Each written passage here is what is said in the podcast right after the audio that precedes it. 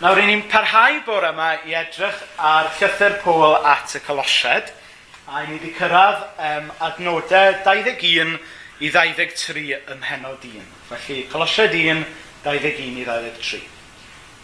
Ydy, mae wedi'ch cymodi chi hefyd. Chi oedd mor bell oddi wrth ddiw ar un adeg. Roeddech yn elynion iddo ac yn gwneud popeth o bethau drwg. Mae wedi'ch gwneud chi yn ffrindiau iddo'i hun trwy ddod yn ddyn o gig a gwaed a marw ar y groes. Mae'n dod â chi at ddiw yn lan yn ddifau a heb unrhyw gyhuddiad yn eich erbyn. Ond rhaid i chi ddal i gredu a bod yn gryf ac yn gadarn a pheidio gochwn gafael yn y gobaith sicr mae'r newyddion da yn ei gynnig i chi. Dyma'r newyddion da glywch chi ac sydd wedi ei gyhoeddi drwy'r byd i gyd. A dyna'r gwaith dwi, Paul, wedi ei gael i'w wneud. Nawr, i ni wedi bod yn edrych ar y llythyr yma gan Paul ers, ers yr haf nawr. A llythyr oedd e at Grisnogion oedd yn byw yn Colosia, sef Twrci heddiw yn fras, um, lle yn hwrci heddiw. A ni'n gwybod bod y Crisnogion yma'n Crisnogion ifanc dim ond yn ddiweddar ddathon nhw i gredu. Ac felly mae Paul yn cymryd y cyfle yma yn y llythyr er mwyn helpu nhw ddysgu mwy am Iesu a mynd yn ddyfnach yn ei ffydd. A'r hyn sydd wedi bod yn ganolog i'r llythyr hyd yma yw yr angen i'r colosied a ni i wreiddio'n ffydd yn Iesu Grist. Mor bwysig ag ydy pethau eraill, y peth pwysica i ni wreiddio'n ffydd ynddo ydy Iesu. Um, mae Paul yn dweud wrth Colosiad i fod yn gryf yn ei ffydd. Ac ni'n gwybod ar y pryd bod Cresnogion yn tueddu i gael amser anodd yn nhw'n cael ei erlyd fel mae Cresnogion yn Irac a llefydd heddiw. Felly oedd yn annog nhw i fod yn gryf yn ei ffydd um, ac yn y blaen. A wedyn tro diwetha, wnaethon ni edrych ar yr adnodau mawr yna. Ych Chi'n cofio'r adnodau wnaethon ni edrych arno beth hefnos yn ôl. Nhw yn adnodau mawr. Ond dyma'n fras wnaethon ni ddysgu tro diwetha gobeithio. Yn gyntaf, bod ni'n gallu adnabod Dyw drwy adnabod Iesu. Wrth adnabod Iesu, i ni'n cael adnabod Dyw. Um, a'r gymhariaeth wnaethon ni dynnu, diolch yn fawr iawn Gwen, dda cael rodi. Oedd y tant y gitar wedi torri, chi'n gwybod. um, a'r gymhariaeth yn ffynd ni oedd Facebook. Chi'n gwybod mae pawb, wel, rhan fwy o bobl ar Facebook dyddi yma. Wel, Iesu ydy tydalen Facebook Dyw. Drwy weld gwyneb Iesu, i ni'n gallu adnabod Dyw. Felly wnaethon ni edrych ar pa mor bwysig yw hi i bob un ohono ni adnabod Iesu er mwyn adnabod Dyw wnaethon ni weld bod Iesu yn arglwydd dros bopeth. A mae popeth yn air mawr yn dydy. Um, ar hyn ymadrodd, chybod, if he's not lord of all, he's not lord at all. A mae'n syndod rhyw throwaway comment, ond mae e'n wir yn dydy. A wnaethon ni weld, wel os ydy Iesu'n arglwydd dros popeth, yna mae eisiau ni adael Iesu mewn i bob rhan o'n bywyd wnaethon ni weld mae Iesu pen yr eglwys. Unwaith eto, swndio'n amlwg yn dydy, mae Iesu pen eglwys Iesu Grist. Ond da ni yn hawdd iawn yn gadael i bethau eraill yn dydan ddod yn ben yr eglwys. Yn i'w nid gwyneb Iesu sydd wedi gerfio ar y pulpud lan lloff, na gyfe?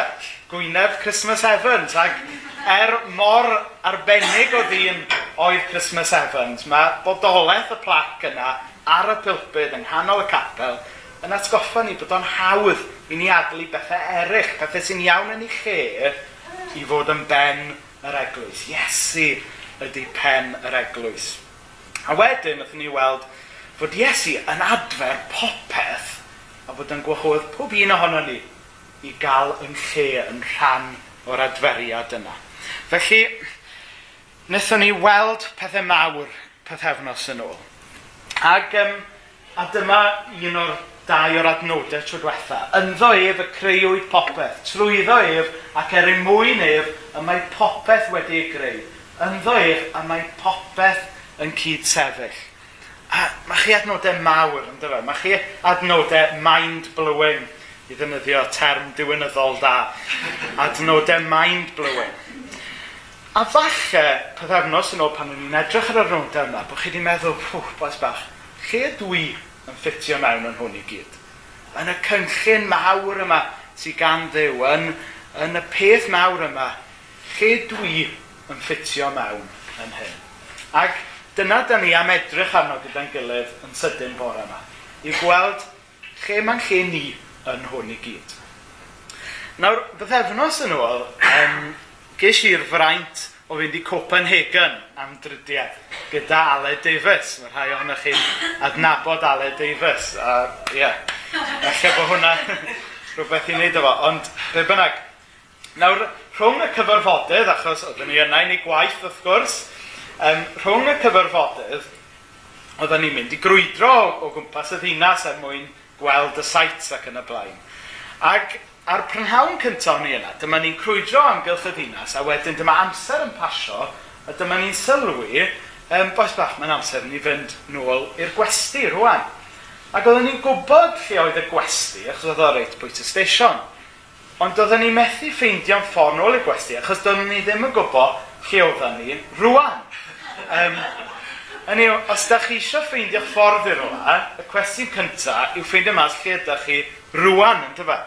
E, ond yn ffodus iawn, ar y sgwar lle oedden ni, oedd un o'r mapiau yna, chi'n gwybod, map o'r ddinas, gyda, um, gyda smotyn coch yw a hia. Nid Copenhagen ydy hwn. New, New York ydy? Ie, yeah, Brooklyn, ie. Yeah. Um, ond beth bynnag, dyma ni'n ffeindio y map a smotyn coch you are here. Um, ac Oedd rhyw syniad gyda ni siwr i fynd wedyn, achos bod ni'n gwybod lle oedden ni nawr. Ac rhyw fath o adnodau felly, yw'r adnodau sydd gyda ni fan hyn. Yn yr adnodau mawr yma, mae Paul yn rhannu. I ni'n gofyn rhywbeth lle dwi'n ffitio mewn, lle dwi. Mae'r adnodau'n dweithio ni lle ydyn ni. Mae'r adnodau yma'n dweud, you are here. Mae yna le i ti yn y cynllun mawr yma. Na mae'r adnodau'n dechrau fel hyn. Chi oedd mor bell oedd i wrth ddiw ar un adeg, roeddech yn elynion iddo gan gwneud pob math o bethau drwg.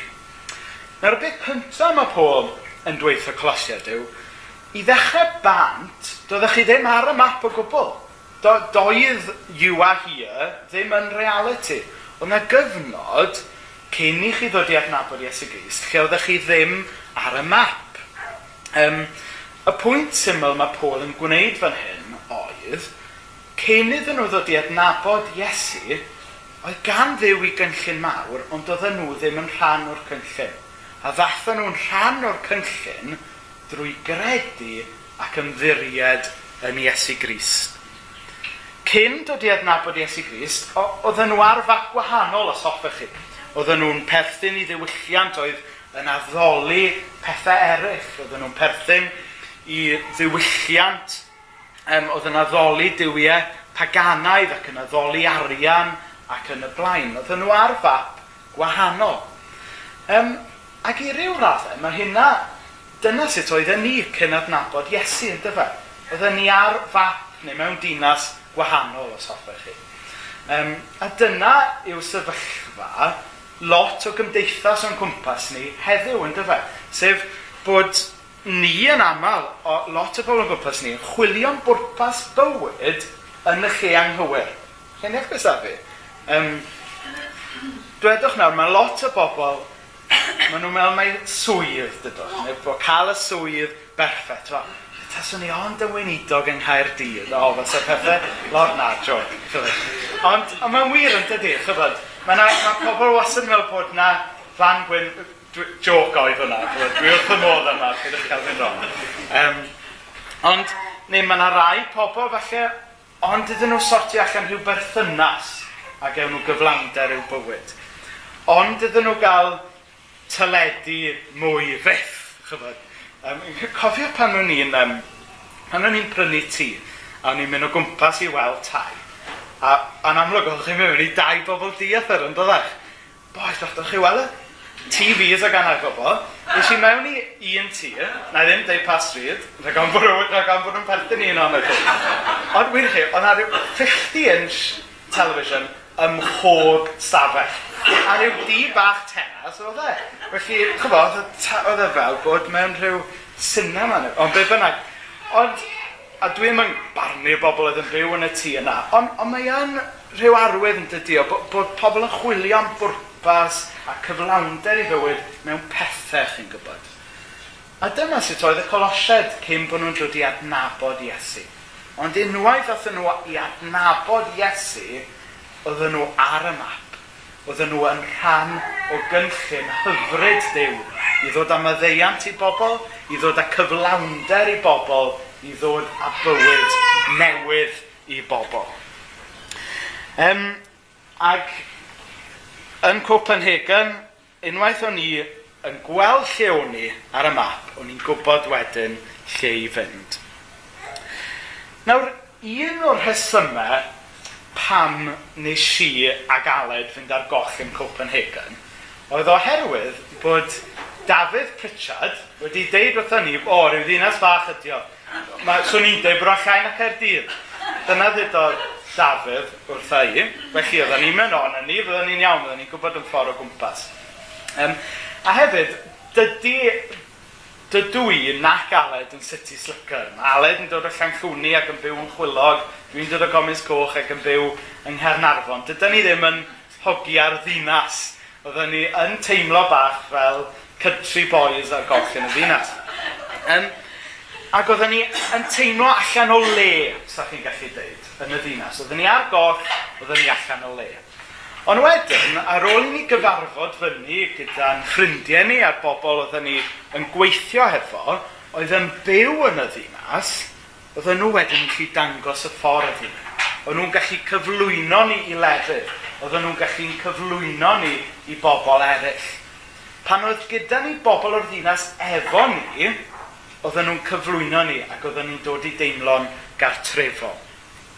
A rhyw ddelwedd fel hyn sydd gyda ni nesaf yn yr adnodau, mae wedi eich gwneud chi'n ffrindiau iddo ei hun trwy ddod yn ddyn o gig a gwaed a marw ar y groes. Mae'n dod â chi at ddew yn lan yn ddifau heb unrhyw gyhyddiad yn eich herbyn. Nawr, mae Dyw yn derbyn y colosied mewn i'w ddinas, os hoffech chi. Ond mae e'n derbyn nhw fel plant, fel mae'r adnod yn dweud, di-fai heb unrhyw gyhyddiad yn ei herbyn. Nawr falle bod yna rai o chi yma bore yma yn teimlo bod chi ddim digon da i gael bod gyda Dyw. Falle bod rhai yma bore yma yn teimlo bod chi ddim digon da i gael bod yn ninas, yn heirnas Dyw falle bod chi'n teimlo allan o le o bosib. Wel, mae'r adnodau yma yn hyfryd yn dydyn.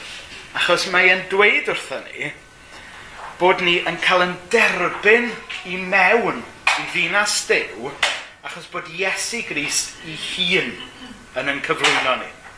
I ni'n cael mynd mewn i'r ddinas gyda Iesu Grist yn dal yn llaw mewn ffordd. Felly, yn yr un ffordd ac oedd yn ffrindiau ni'n Copenhagen yn yn cyflwyno ni i'r ddinas, Iesu sydd yn cerdded mewn gyda ni i ddinas Dyw. Nawr, fe yn gwybod os ydych chi wedi bod i rolau diethyr o blaen. Um, chyba, os rhywun wedi bod i rolau am y tro cyntaf yn ddiweddar, mae rhaid bod rhywun, a dych chi'n mynd bobl sy'n teithio lot, na da. Um, ond ta beth, falle bod chi wedi bod i rolau, a bod chi ddim yn teimlo bod chi wedi cael eich derbyn. Chi'n gwybod? Um, ond wedyn, chi'n mynd nôl i'r lle yna eto maes o law, gyda ffrind i chi sy'n dod o'r pentre yna. A mae'r ffrind yna yn eich um, cyflwyno chi, mewn dangos chi o gwmpas, a wedyn mae pawb yn eich derbyn chi. Wel, dyna sut mae'n hyrnas dew. Mae Iesu Grist i hun yn mynd â ni i'r ddinas nefol. Mae Iesu Grist i hun yn yn cyflwyno ni. Felly fe allwn ni fod yn gartrefol yna, achos bod Iesu yna efo ni. A mae hwn yn fraint yn dydy. Um, mae'n dod â chi at ddiw yn lân. Mae hwnna'n hyfryd. So, sy'n eisiau neb deimlo bod nhw ddim digon da i berthyn i denas Dyw. Sy'n eisiau neb deimlo, wel, nid yma'r lle i fi, dwi ddim yn ffitio mewn. Mae Iesu Gris yn dweud, dwch fewn efo fi na i'ch cyflwyno chi, na i ddod yn gwmni chi. Dwi wedi delio gyda popeth. Mae'r dan yn ymlaen wedyn i ddweud fel hyn. Um, ond rhaid i chi ddal i gredu a bod yn grif ac yn gadarn a pheidio gochwn gafael yn y gobaith sicr mae'r newyddion da yn ei gynnig i chi.